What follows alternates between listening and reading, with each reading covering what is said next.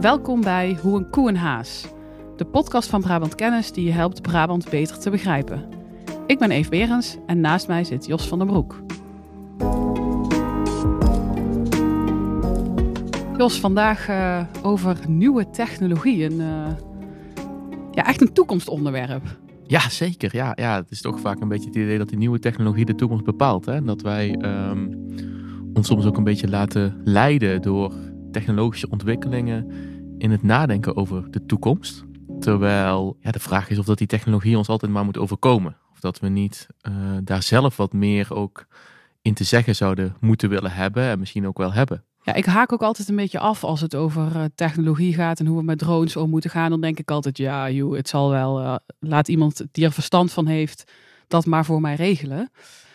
Maar onze gast die we hebben uitgenodigd, Bart Wernaert, die vindt eigenlijk dat we ja, juist mensen zoals ik, die misschien weinig verstand, in ieder geval hiervan, hebben of weinig interesse, juist moeten betrekken. Ja, niet alleen mensen zoals jij. Ja, eigenlijk dat we de hele samenleving uh, meer moeten betrekken bij het ontwikkelen van nieuwe technologie. En ik vind dat ook een onderwerp wat heel erg past bij Brabant. Hè? Want uh, als het natuurlijk ergens een hotspot is van nieuwe technologieontwikkeling, dan is het natuurlijk wel bij ons in de provincie. En misschien komt daarmee ook wel een soort extra verantwoordelijkheid om, om daarover na te denken, om daar uh, jezelf op uit te dagen. En ik denk dat, uh, dat Bart daarmee ook een hele interessante gast is, omdat hij niet alleen daarover nadenkt als wetenschapper, maar ook uh, moral labs, dingen heeft ontwikkeld die er eigenlijk bij kunnen helpen dat die hele samenleving mee kan denken over de ontwikkeling van nieuwe technologie. Bart heeft ook een maanreden voor ons uh, gedaan en daarin had hij van alles op het podium staan. Ja, dus dat ik, was, wel een, was wel een feestje. ja, waaronder een, een, een soort poppenhoofd. Zeker, ja, speelgoed van zijn kinderen. Ja, ja, ja. Dus nou, ik ben heel benieuwd wat hij ons gaat vertellen. Welkom Bart, fijn dat je bij ons in de podcast wil zijn. Ja, eerste vraag. Je bent lector Moral Design Strategy. Yes. Ja, een mooie woorden. Maar wat betekent dat nou eigenlijk? Goeie vraag.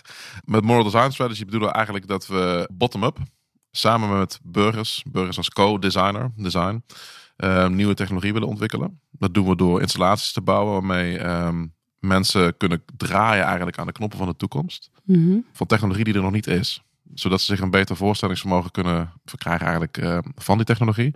En daar eigenlijk zelf de, de morele grenzen in kunnen aangeven. In die installaties? In die installaties, ja. Dat is eigenlijk moral design. Alleen vervolgens heb je best wel een uitdaging, want uh, mensen denken natuurlijk heel verschillend over die grenzen. En soms is dat zelfs uh, tegenstrijdig. Dat betekent dus ook dat als je die technologie wil gaan ontwikkelen, ja, je moet wel een kant op. Dat betekent ook dat je een soort strategie moet gaan hebben in hoe je dus eigenlijk met al die verschillende standpunten omgaat. En hoe je dat vervolgens weer verwerkt in de technologie die je eigenlijk aan het bouwen bent. En daar helpen we ook bij en dat is dan het stukje strategie. Dus vandaar moral design strategy. En wiens strategie is dat dan, zeg maar? Is het dan jullie strategie voor een technologie? Of is dat een strategie die je voor een bedrijf probeert te ontwikkelen? Nou ja, wij zijn, we zijn wetenschapper op de eerste plek. Dus dat betekent dat ik niet namens een bedrijf een strategie uh, maak of zo. Daar wil ik heel erg ver van weg blijven. Uh, wat ik vooral eigenlijk wil, is dat ik besluitvormers, om het zo maar te zeggen. Dat kunnen mensen in het bedrijfsleven zijn, maar dat kunnen ook bijvoorbeeld uh, politici zijn of, of lokale overheden.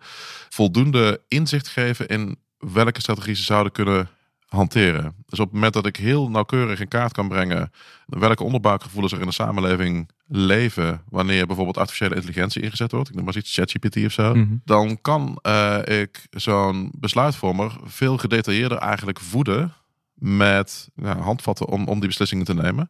En die besluitvoerder die kan ook veel makkelijker bijvoorbeeld de communicatiestrategie toe gaan passen. Dus je kan ook veel makkelijker zeggen van oké, okay, uh, we gaan linksaf vandaag. Maar dat betekent niet dat ik niet naar rechtsaf heb geluisterd. Alleen ik heb hele goede redenen om het linksaf te gaan doen. Maar om de mensen die graag rechtsaf wilden uh, een klein beetje gerust te stellen. Zo en zo en zo heb ik wapenborgen ingekleed. En zo en zo en zo gaan we het verder doen enzovoort. Dus wij helpen in het voeden van die strategie. Het is niet zo dat wij zelf de strategie gaan schrijven. Dan zouden wij niet meer op de stoel van wetenschapper zitten. Maar meer op de stoel van nou, een politicus of, of iemand uit het bedrijfsleven. Ja, je hebt het bijvoorbeeld over inderdaad artificiële intelligentie. Ja. Kun je een voorbeeld van een installatie of een spel? Ja, of... Nou, grappig. Uh, morgen, uh, ja, ik weet niet of morgen handig is in een podcast, maar uh, is het begin zo... Februari. Begin februari. uh, zitten wij hier in het Mindlabs gebouw met een installatie rondom artificiële intelligentie en onderzoeksjournalistiek. Dat betekent dat we eigenlijk een omgeving hebben gebouwd waar mensen naar binnen kunnen gaan en kunnen interacteren met een uh, ja, soort filmisch scenario van de toekomst. Waarbij je dus eigenlijk zelf aan de knoppen van AI kunt gaan draaien. Want er zijn best wel veel uitdagingen eigenlijk wanneer je artificiële intelligentie gaat toepassen in de journalistiek. En dat gaat mhm. veel verder dan alleen maar, oh, we hebben ChatGPT en nou heeft de journalist zelf misschien niet iets geschreven, maar is dat gewoon automatisch gegenereerd. Dat zit hem ook heel erg bijvoorbeeld op het niveau van uh, data uh, verzamelen. Dus stel, ik ga artificiële intelligentie uh, gebruiken om door allerlei rapporten heen te snuffelen die een bepaald ministerie in, uh, nou, in de context van toeslagen boven tafel heeft gekregen. En ik ga daar vervolgens automatisch conclusies aan verbinden. Dan zijn er in verschillende stadia eigenlijk van het onderzoeksjournalistieke proces uh, momenten geweest dat, uh, dat je artificiële intelligentie hebt gebruikt. Nou, dat leidt tot een aantal hele, hele lastige vragen. Bijvoorbeeld, er zit altijd een bias in artificiële intelligentie. Want uh, dat betekent dat die artificiële intelligentie soms vooringenomen is. Dat die misschien wel discriminerend werkt. Nou, dat hebben we wel vaker gezien. Of misschien wel uh, dat hij niet helemaal geprogrammeerd is met de juiste lading. Waar zit dan eventueel de verantwoordelijkheid om dat te checken? Is dat, ligt die verantwoordelijkheid bij de journalist? Ligt die verantwoordelijkheid bij de programmeur? Uh, ligt die verantwoordelijkheid bij de organisatie die het inzet? Of ligt die verantwoordelijkheid misschien wel bij het publiek zelf, die zo'n gewoon zelf kritisch moet nadenken wat, wat ze lezen? Nou, dat zijn eigenlijk ethische vragen die we heel graag aan de voorkant beslecht willen hebben. Waarvan we graag inzicht willen hebben van wat, wat vinden mensen er nu eigenlijk van. Ja. En dat kun je in zo'n installatie kun je dat zelf vaststellen, letterlijk met knopjes. En dan kun je gewoon op drukken en kun je mee spelen. Uh, zodat je eigenlijk de kant van de toekomst zelf een beetje kunt ontwerpen. Waarbij artificiële intelligentie een bepaalde rol speelt. Ja, want jullie hebben met het maken daarvan zelf geen voorkeur voor een van die.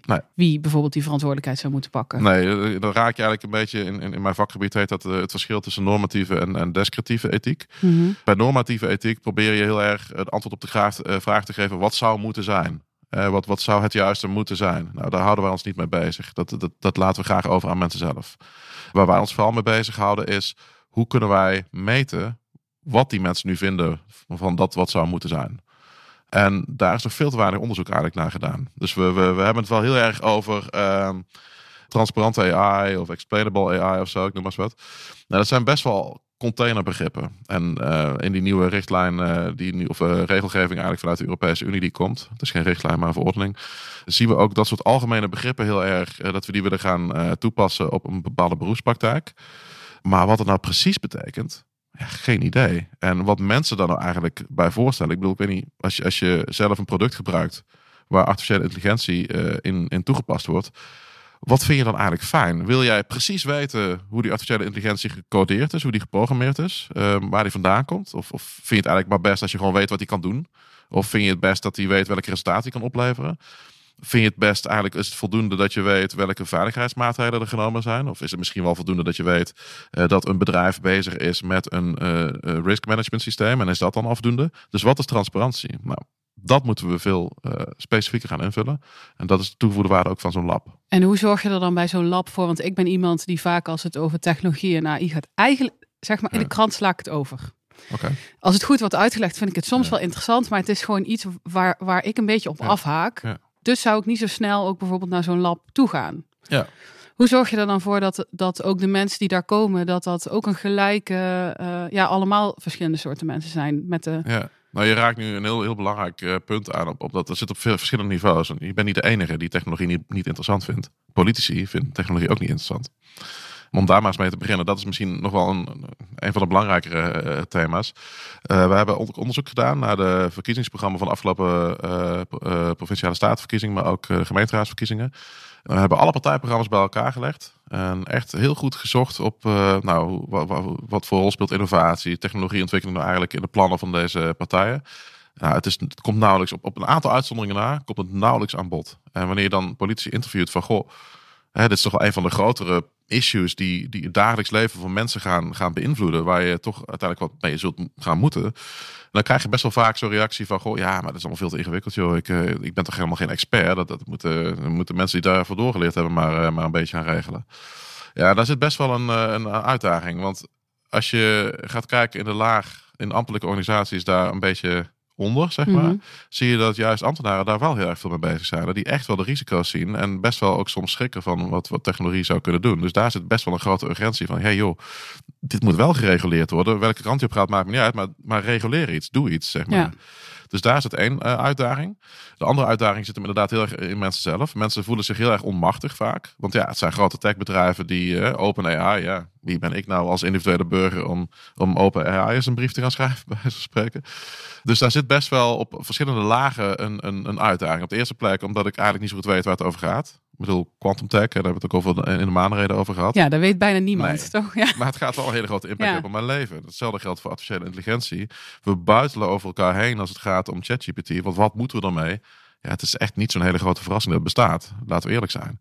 Dus, dus daar zit een groot kennisgat eigenlijk tussen Ja. de individuele burger over het algemeen. Even, even de echte expert daar gelaten. En wat er gebeurt binnen zo'n techbedrijf. Of, of, een, of een innovator, zullen we maar zeggen. Nou, hoe, hoe ga je dat nou oplossen? Ja, dat is best een lastige vraag. Eh, wat wij in ieder geval doen, is wij gaan echt de wijk in. Dus wij gaan ervoor zorgen dat we naar mensen toe gaan. Mhm. En Eh. als je het dan hebt over wij, De, mijn onderzoeksgroep en, Ja. en alle consortia waar we mee samenwerken. ja waar we die moral Ja, dus mee de bouwen. wetenschappers. Ja, met al onze partners. Dus dat zijn ook overheden en, en, en stichtingen en, en ga ze maar door. En soms ook bedrijven. En wat we dan in feite willen gaan doen, is ehm, het op een leuke manier eh, mensen laten participeren. Kijk, zo'n Moral Lab, dat is een leuke ervaring. Het ziet er speels uit. Je kunt zelf aan knoppen draaien. Dus het, het, het, eh, het rekt ook je voorstellingsvermogen een beetje op. Het, doet wat met je. Soms hebben we bijvoorbeeld ook eh, online applicaties. We hebben bijvoorbeeld een VR-bril nu gebouwd. Waarbij je zelf kunt bepalen waar drones vliegen. Mhm. Nou, dat is ook een van die technologische uitdagingen van de toekomst. Ehm, mensen kunnen zich heel lastig voorstellen hoe een wereld met drones is. Je, kunt, je kunt natuurlijk wel iets een beetje bedenken of je kunt naar een leuke sci-fi film kijken of zo. Maar echt aan de lijve ondervinden hoe dat nou is als zo'n drone over je huis vliegt en het dat heel frequent doet. Ja, dat is best lastig. Maar als je zo'n VR-bril op hebt, dan, dan krijg je daar best wel een beetje gevoel bij. Van, oh, oké, dus dit is een beetje, is het geluid, dit is een beetje hoe ik dat zo voor me moet zien. En we hebben bijvoorbeeld in die bril ook, hè, dat situeert zich nu in Eindhoven, we hebben ook bijvoorbeeld echt Eindhovense gebouwen in, in die setting gezet. Zodat mensen zich ook thuis voelen in, oh, dit is mijn stad. En hier zie ik die drones vliegen. Zo laat je mensen vooral eigenlijk ervaren hoe die toekomst zou kunnen zijn. Dan hoef je er geen verstand van te hebben, maar je, voelt wel wat, wat dat is. Dat is ook de toegevoegde waarde van zo'n interventie met, met, met eh, een installatie bouwen eigenlijk. En als je dan aan die knoppen kan gaan, gaan, gaan draaien van nou ja, wat vind ik dan eigenlijk prettig? Dan is het vrij toegankelijk. Je hoeft alleen maar naar een knop te draaien en denken nou, dit vind ik eigenlijk wel fijn. Dan is het heel intuïtief, maar ook heel laagdrempelig. Je hoeft daar verder geen expert voor te zijn. Je hoeft, je hoeft daar niet heel wel bespraakt voor te zijn. We zijn gewoon geïnteresseerd in hoe voelt het nou voor jou.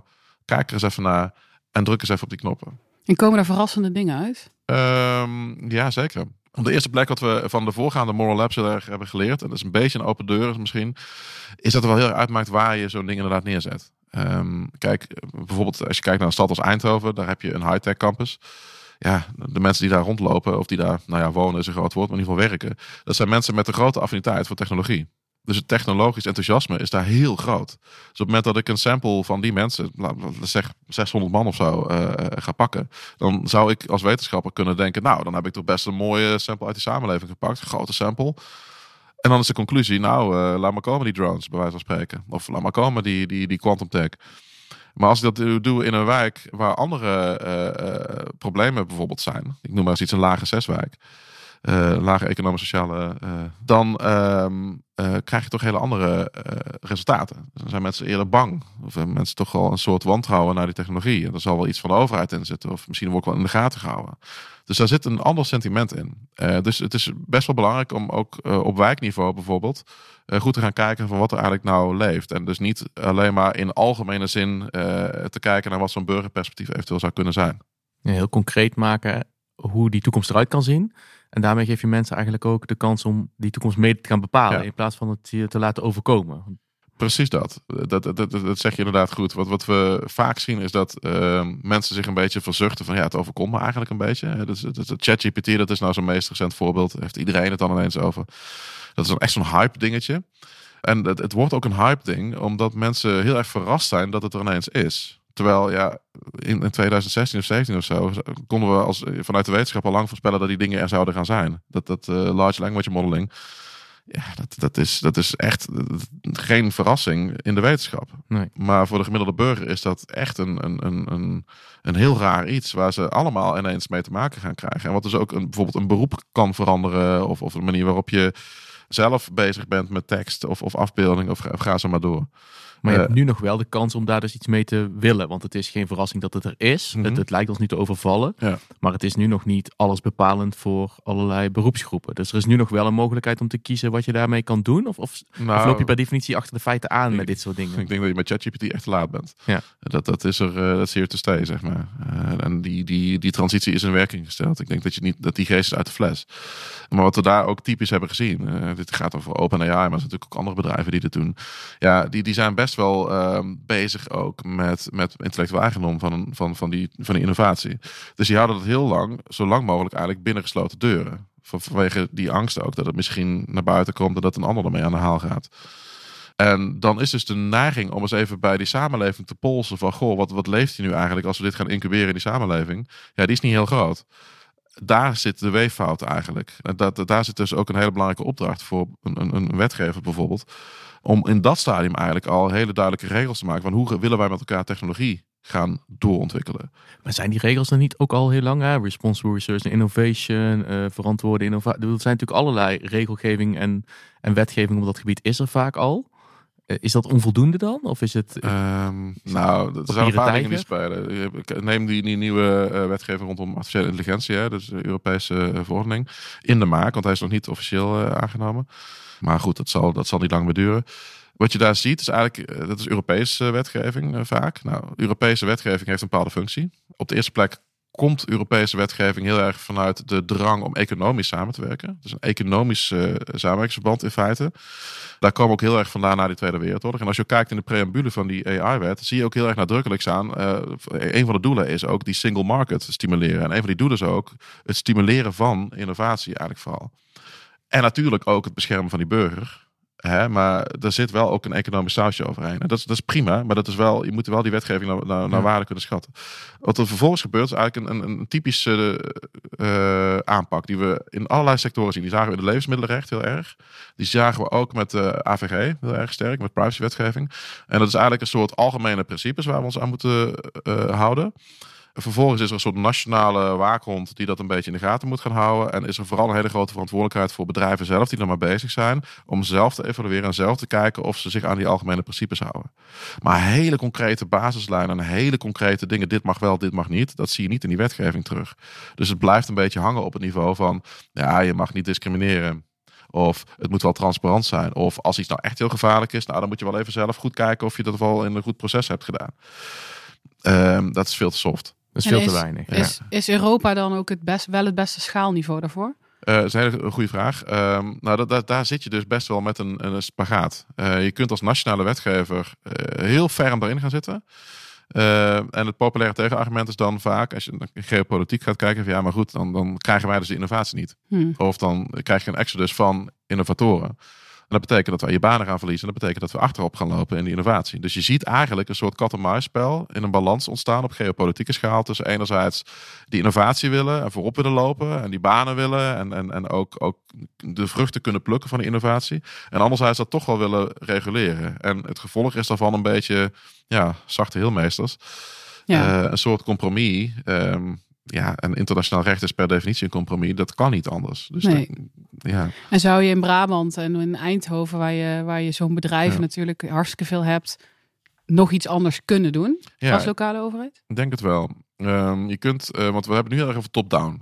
En eh, bijvoorbeeld mijn onderzoeksgroep eh, heeft juist het standpunt bottom-up. Moet je gaan, dat gaan doen.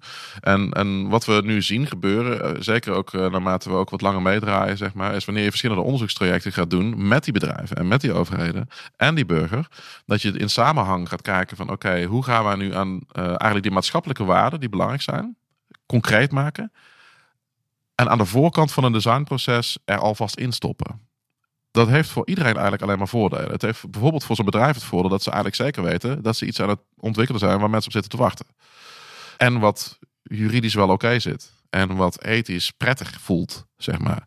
Daar is echt wat te winnen. Het heeft voor politici en beleidsmakers het voordeel dat ze veel meer meegenomen eigenlijk worden in de processen die er zijn. Veel beter ook begrijpen wat er leeft onder de samenleving. En daar ook beleid veel concreter op kunnen afstemmen. En het heeft natuurlijk voor die burger het gevoel dat ze ook het gevoel hebben dat ze het voordeel dat ze het gevoel hebben dat ze mee kunnen praten. Dat ze niet leidzaam dan maar zitten te wachten tot de volgende innovatie er is. Ja. En daar dan maar mee moeten dealen. Maar dat ze ook echt actief een bijdrage kunnen leveren aan het co-designproces. En een volgende stap zou bijna zijn dat je gaat denken over als burgers, wat voor innovatie hebben wij eigenlijk nodig? Hè, Dit is Precies. nog meedenken over innovaties Ja. die er gebeuren. Maar Ja. een soort omslag die je ook al ziet in dat innovatiebeleid nu weer, met missiegedreven innovatiebeleid. Ja. Van, wat hebben wij eigenlijk nodig als samenleving aan innovaties? Is ja. dat meer drones? Of, of misschien wel niet. Ja, of nog een stapje verder. Kijk, drones is een heel specifieke eh, eh, uiting eigenlijk van, van, van innovatie. Maar wat ligt er eigenlijk achter die behoefte van drones? En da daar, daar ligt misschien duurzaamheid achter. Als, als, hè, ik, wil, ik wil niet dat stinkende busje de hele tijd in mijn straat die mijn Ja. pakketje komt bezorgen. Maar doe dat Wat maar. bijna iedereen volgens mij gewoon graag wil. ja, of, of daar zit misschien snelheid of mobiliteit in. Of daar zit misschien ook wel een stukje opwinding in. Van, ik vind het wel heel vet dat die drone in één keer in mijn achtertuin landt. Super gaaf. Eh, dus daar, daar zitten allerlei ehm, ehm, waarden eigenlijk achter die mensen fijn zouden kunnen vinden. Maar ook angsten. Bijvoorbeeld, eh, die drone heeft hij misschien een camera en Ja. kan hij mij filmen als ik in mijn achtertuin lig te zonnebaden. Ik noem maar eens wat. Of die drone doet hij niet eh, nog veel meer dan alleen maar. En als ik dadelijk op straat loop met mijn pasgeboren kind en dan valt zijn drone naar beneden omdat hij in een zwerm vogels terechtkomt. Wat gebeurt er dan? Nou ja, het zijn ook die angsten, denk ik, dat een eh, goed aansluit op de tip die ik mee heb genomen. Want wij nemen elke keer iets mee in deze. eh, Ja. ja. Dus toen dacht ik, ja, als ik nou echt intellectueel ga uithangen, dan neem ik natuurlijk eh, Surveillance Capitalism mee Oh, ja. van eh Shoshana Zuboff. Ik Hm. weet niet of jij hem wel gelezen hebt. Zeker. Kijk, ik, ik wilde net zeggen, het is een van die boeken, net als Thomas Piketty, die bijna niemand gelezen heeft, maar Die iedereen over praat. hè? En maar de helft gelezen, ja.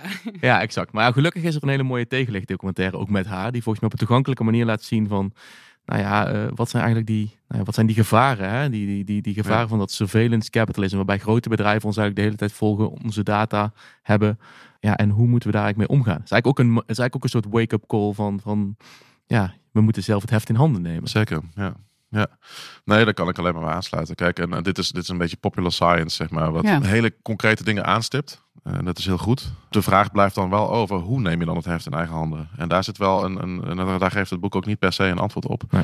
Althans, niet, niet heel concreet. Moral design is eventueel een manier om dat te doen. Er zijn natuurlijk heel veel andere manieren om dat te doen.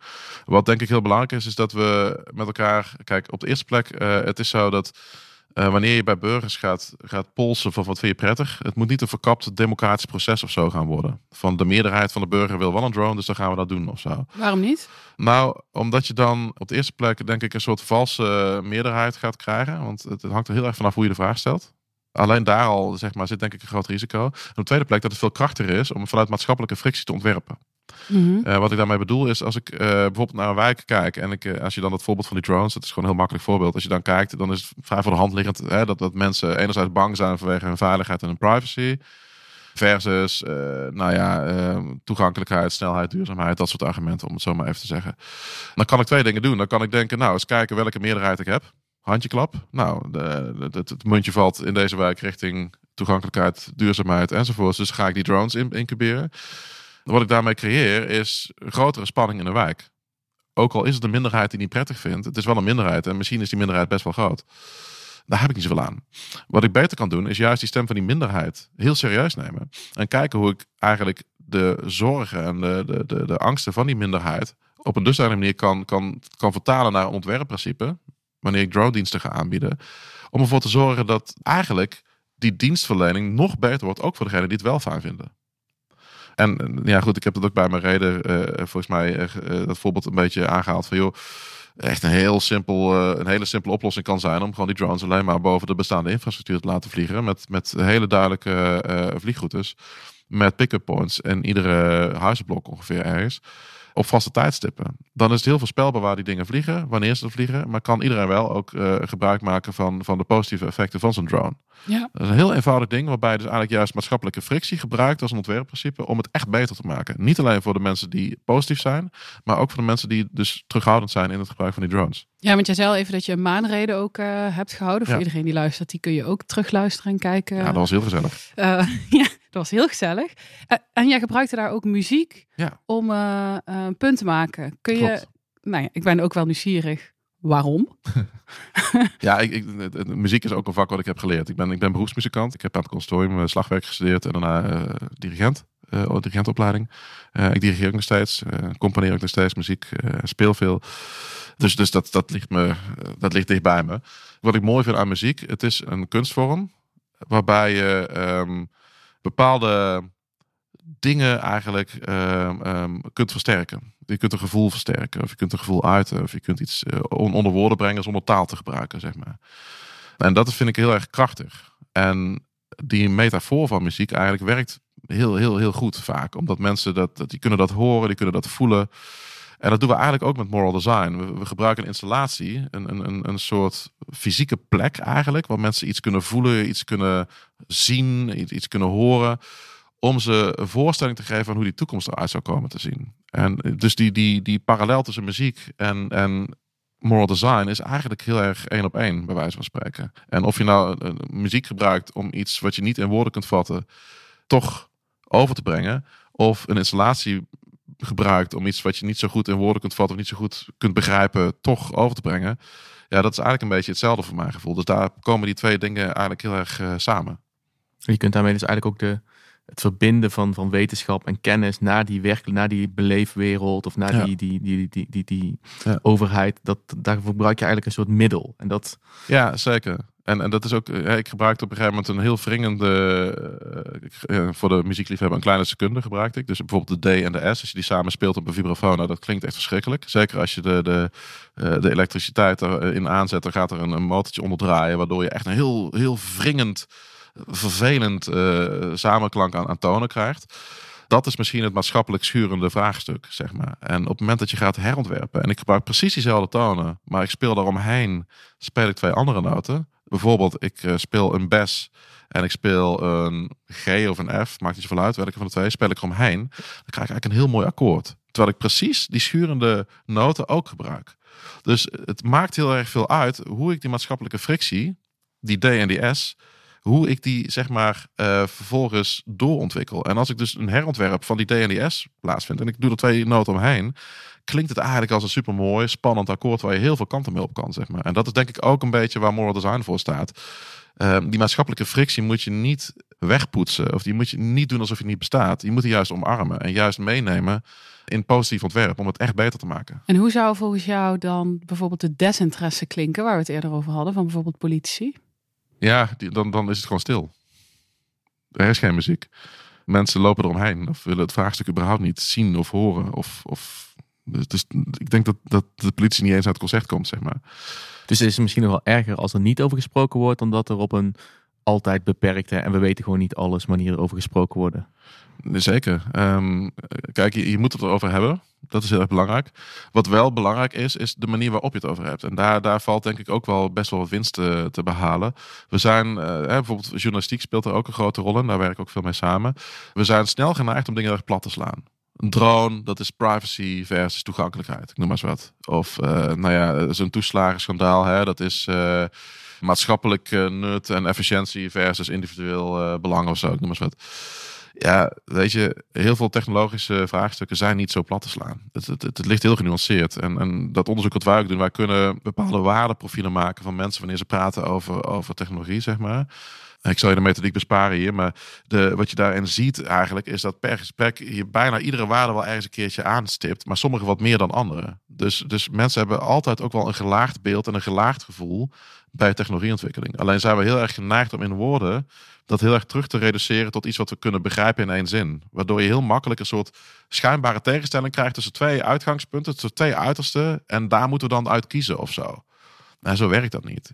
Je moet juist die nuance gaan zoeken en kijken van wat voor waardepalet ligt hier nu? Waar schuurt het het meest? En hoe kan ik dit nou gebruiken om dit gewoon beter te maken en beter door te ontwikkelen? Dus ethiek niet aan de achterdeur als iets er pas er al is, maar echt aan de voordeur van innovatie stoppen. Dat is eigenlijk wel de oplossing. En eigenlijk kan iedereen daaraan meedoen. Daar Ja, hoef je niet zeker. per se alles van ChatGPT, AI uh, van te weten. Nee, juist niet. En dat is ook de toegevoegde waarde. Kijk, we, we kunnen een heleboel uh, uh, super slimme technici bij elkaar zetten, die dat allemaal kunnen bouwen. Dan heb je een aantal uitdagingen. Op de eerste plek is er een beetje een mismatch in de samenstelling van die technici. Want dat zijn over het algemeen, en dan sla ik hem zelf heel erg plat, witte hoogopgeleide mannen. Jonge mannen. Eh, vaak ook nog eens. Ja. En het mensbeeld van witte, hoogopgeleide jonge mannen druist altijd een beetje door in de technologie die ze opleveren. Nou, we kunnen het voorbeeld van Instagram misschien. Hè, lekker gluren.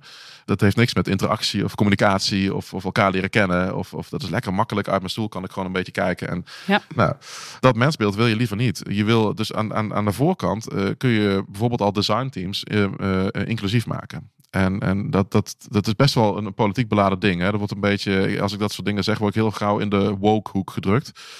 Het heeft niks met woke te maken. Dit is echt een noodzakelijke voorwaarde om gewoon een fatsoenlijk product te maken. Dat je echt met een inclusief team ook kijkt van oké, ehm, wat voor bezieling moet mijn technologie uiteindelijk gaan hebben. Dat is één ding.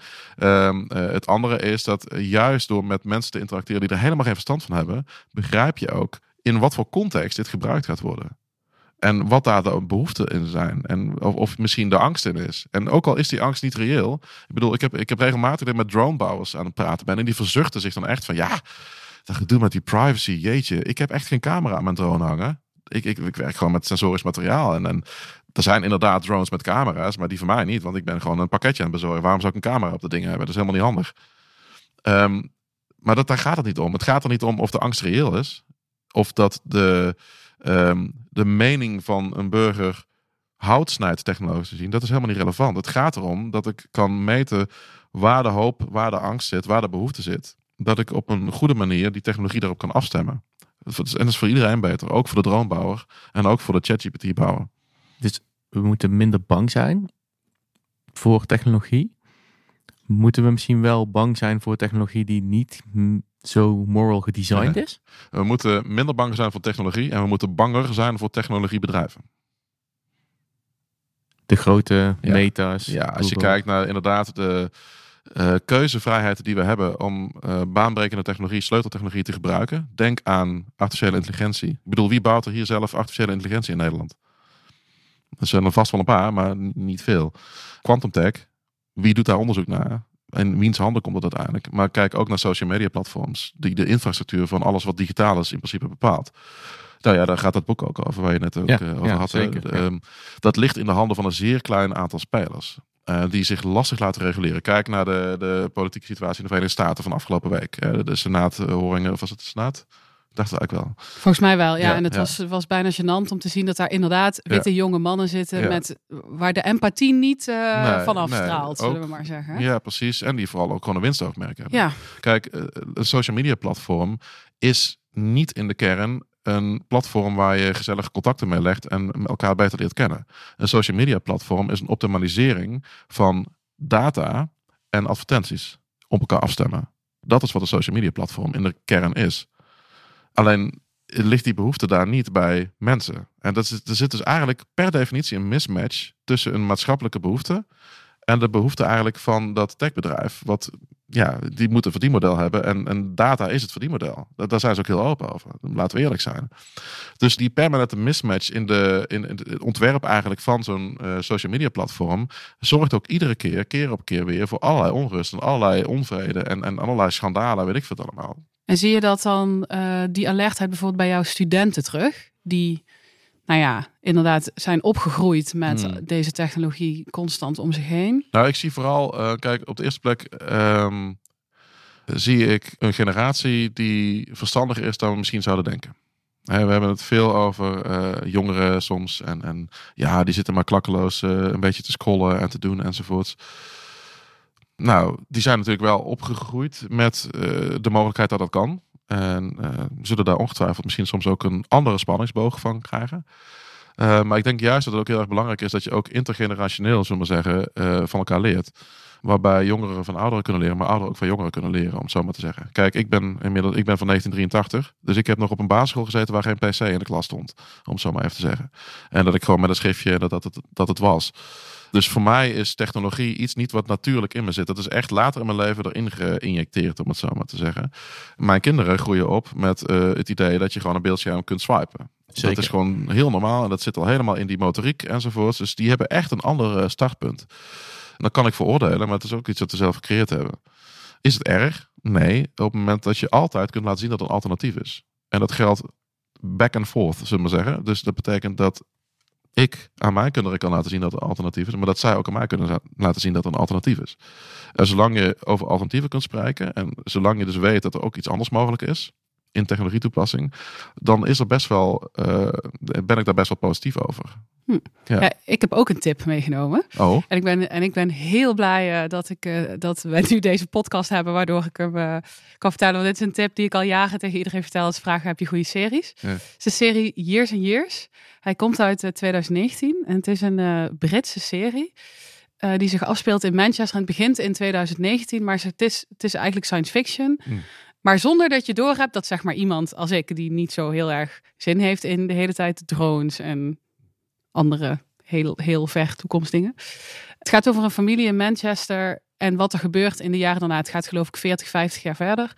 En je ziet een aantal bijna verontrustende geopolitieke veranderingen die, nou nu vijf jaar later, als je het nu kijkt, denk je oeh, ze hadden het toen toch al eh, goed in de smiezen. Wat ik vooral interessant vind is hun omgang met technologie.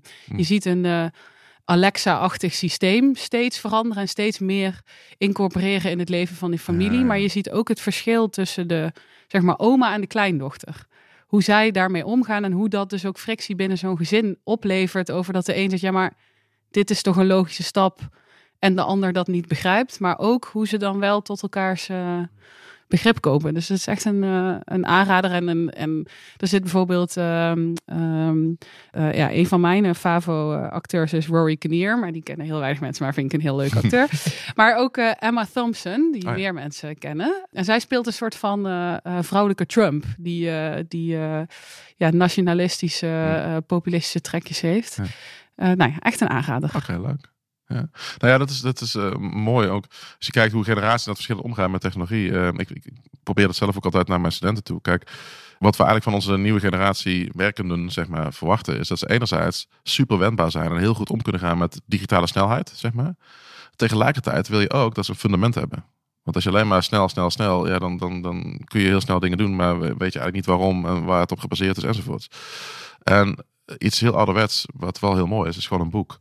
Waar, je, net ook aan refereerde. En ik probeer altijd wel aan mijn studenten mee te geven. Ja, probeer nou inderdaad enerzijds digitaal wendbaar te zijn. En heel goed snappen hoe, hoe, wat digitale prikkels met je doen. En hoe je daar zelf de controle in kunt hebben. En dus heel goed in kunt zijn ook. En anderzijds, sluit je nou gewoon eens een keer af. Schenk iets in. Kop thee. Glas wijn, maakt niet uit. En ga nou eens even een goed boek lezen. Wat je echt aan het denken zet. Van A tot Z. In alle rust en sereniteit. En probeer die spanningsboog vast te houden. Dat je dat ook kan. En dat je daarop reflecteert. En dat je echt eens even die, die rust pakt op een vrijdagavond of zo. En als je dat allebei kan. Enerzijds die digitale wendbaarheid. En anderzijds stap terugzetten. Even alles helemaal uit. En gewoon even goed je ergens in verdiepen. Ja, dan denk ik dat je heel krachtig kunt zijn als, als student. Ja, dat is ook wel mooi dat dat tegenwoordig, denk ik, iets wat wij moeilijker vinden te begrijpen. Bijvoorbeeld rondom TikTok, zo'n boektok. Wat Ja. allerlei boeken Ja, ja. bij, bij jongeren brengt. Tenminste, zie ik bij mijn dochter, die dan op, nou, ook veel op TikTok swipe. Ik weet niet of ze heel blij is dat ik haar nu in de podcast noem. Maar goed, daar kunnen we daarna nog discussie over voeren. Dat je wel ook ziet dat ze wel daardoor boeken gaan lezen. En dat je bij de boekhandels dat soort boeken Ja. ook, eh, eh, ook op, de, op de plank liggen. ja, ik denk ook dat boeken echt blijven. Ik denk niet dat ze weggaan. Wat dat betreft. Hele oude technologie die gewoon eh Hm. here to stay is. Ja, zeker. Graag. Wat ik nog zat te denken, hè, wij organiseren dit jaar ook een eh, verkiezingsdebat rondom de Europese verkiezingen. Hm. Eh, hopelijk met Brabantse Europarlementariërs. Nou ja, we hadden het net al over die AI-act en over de rol van politici. Als jij nou een vraag mocht stellen aan, die, eh, aan zulke Europarlementariërs, wat zou je ze dan vragen of meegeven, op het hart drukken? Nou, ehm, ik heb al eens eerder ook eh, een gesprek gehad met eh, eh, de European Commissioner voor, wat was het, Privacy and Data, geloof ik. Mevrouw Gabriels, die toen nog dat deed. En de vraag die ik toen aan haar stelde was van, joh, ehm, denk je dat je met top-down wetgeving voldoende kunt waarborgen? Eigenlijk. Want dat is wat de Europese Unie en de Europese regelgever heel erg snel de neiging heeft. Als we nou een soort raamwerk maken waarin we alles gelijkstellen, dan zijn de regeltjes in de hele Europese Unie ongeveer hetzelfde. Dat betekent dat het dus hè, voor een bedrijf niet zo heel veel uitmaakt of je nou in Italië of in Nederland zit. Dus hè, regulatory competition is dat er dan gebeurt dat je naar één land gaat omdat daar de regels soepeler zijn. Nou, dat voorkom je daarmee. Maar echt die burger beschermen, daarvoor heb je ook een bottom-up beweging eigenlijk nodig. En als we constateren dat nationale wetgevers eigenlijk net een maatje te licht zijn om die grote techbedrijven aan te pakken, dan zou je verwachten dat je dat op Europees niveau heel goed kan doen. Maar daarvoor betekent het ook dat je dus op de een of andere manier dat bottom-up verhaal een beetje moet gaan stimuleren. En dat is eigenlijk wat volledig ontbreekt in Europese wetgeving. Hoe ga je dat dan doen? Want je kunt niet alleen maar iets top-down op in de samenleving op blijven leggen in de verwachting dat het dan maar beter wordt. Want je loopt altijd per definitie achter de feiten aan. Want je kunt nooit sneller wetgeving maken dan dat je innoveert. Dus hoe ga je ervoor zorgen dat je niet alleen top-down iets doet, maar ook nou ja, in het proces van innovatie aan de voorkant ervoor zorgt dat mensen echt betrokken zijn en mensen echt um, mee kunnen doen en mee kunnen denken. Het vraagt ook bijna om een soort Europese publieke ruimte. Want ik kan me voorstellen dat die Moral Labs in Eindhoven andere uitkomsten hebben dan een Moral Lab in een dorp in Frankrijk of in Polen of in Roemenië. Absoluut. En wij, wij, wij hebben bijvoorbeeld ook Europese samenwerkingsprojecten. We zitten nu in een, bijvoorbeeld een groot Horizon project waarbij we, dat heet XL for Human. Waarbij we met uh, verschillende universiteiten, 11 of zo, in uh, heel Europa, op, in verschillende gebieden onderzoek doen naar hoe we uh, extended reality, dat is ook zo'n ding, goed kunnen gaan reguleren in de Europese Unie en hoe we burgers daarbij kunnen betrekken. Oké, okay, en dan ook kijken naar wat de verschillen zijn, wat ja, overeenkomsten. Absoluut. En extended reality, even nog voor de, voor de luisteraars, dat is onze augmented reality of virtual reality? het is een verzamelnaam voor die twee dingen. Oké. Ja. En zijn er bepaalde van die bewegingen die je al ziet? Ik zie vooral heel veel goede bedoelingen. En wat daarvoor echt nodig is, er zijn, er zijn ongelooflijk veel Europese samenwerkingsverbanden. Hè? Ook, ook uh, bijvoorbeeld Smart City netwerken en, en ga ze maar door. En als ik hem even heel erg plat sla, waarbij ik ongetwijfeld geen vrienden maak, maar toch. Ik zie over het algemeen hele betrokken ambtenaren die echt wel het probleem zien. En die die boodschap niet aan de politici die de beslissingen moeten nemen kunnen doorgeven. Daar zit echt een blinde vlek. En ik denk dat dat moet verbeteren. En dan kunnen we eindeloze onderzoeksprojecten gaan doen. Maar als, als die link niet. Ik, de, de oproep eigenlijk is dat politici in het algemeen gewoon technologie veel serieuzer moeten nemen. En ook gewoon moeten erkennen dat het onderdeel is van hun baan. Om dat te reguleren. En niet weg te lopen. En niet zeggen, ja, dat laat ik over aan iemand die er wel verstand van heeft. Nee, dit is je werk. Doe het dan ook. Ja, verander die stilte in muziek. Juist. Of het nou schurende noten zijn of mooi klinkende Zo, noten. Nou. Wat een afsluiter. Ja, die, die, die doen we niks meer aan. Ik, dankjewel, uh, ja. dankjewel Bart voor, uh, voor het gesprek. Dankjewel Jos. Tot de dankjewel, volgende. graag gedaan. Over uh, twee weken is er weer een nieuwe aflevering waarin we met Marjan Slop spreken over haar ideeën over ruimte. Zij is filosoof. Als je dit een leuke aflevering vindt, stuur hem door naar je collega's, vrienden, andere mensen die dat interessant vinden. Geef ons veel sterretjes en tot de volgende keer. Hoe een koe en haas wordt geproduceerd door Brabant Kennis en gepresenteerd door Jos van den Broek en door mij, Eve Berens. Eindredactie Thomas Hogeling, muziek en montage Renkie Bartels en het afsluitende gedicht is van Merel Morre. De show notes vind je terug in de beschrijving in je podcast-app. En op brabantkennis.nl slash podcast kun je meer lezen over deze podcast en alle onderzoeken, publicaties en verkenningen waar we in de podcast aan refereren. Hoe een koe een haas? Waarom de aarde om de zon? Wanneer metaal vloeibaar? Hoe snel een raket en waarom? Er zijn zoveel dingen die ik niet begrijp. Wat een rijkdom.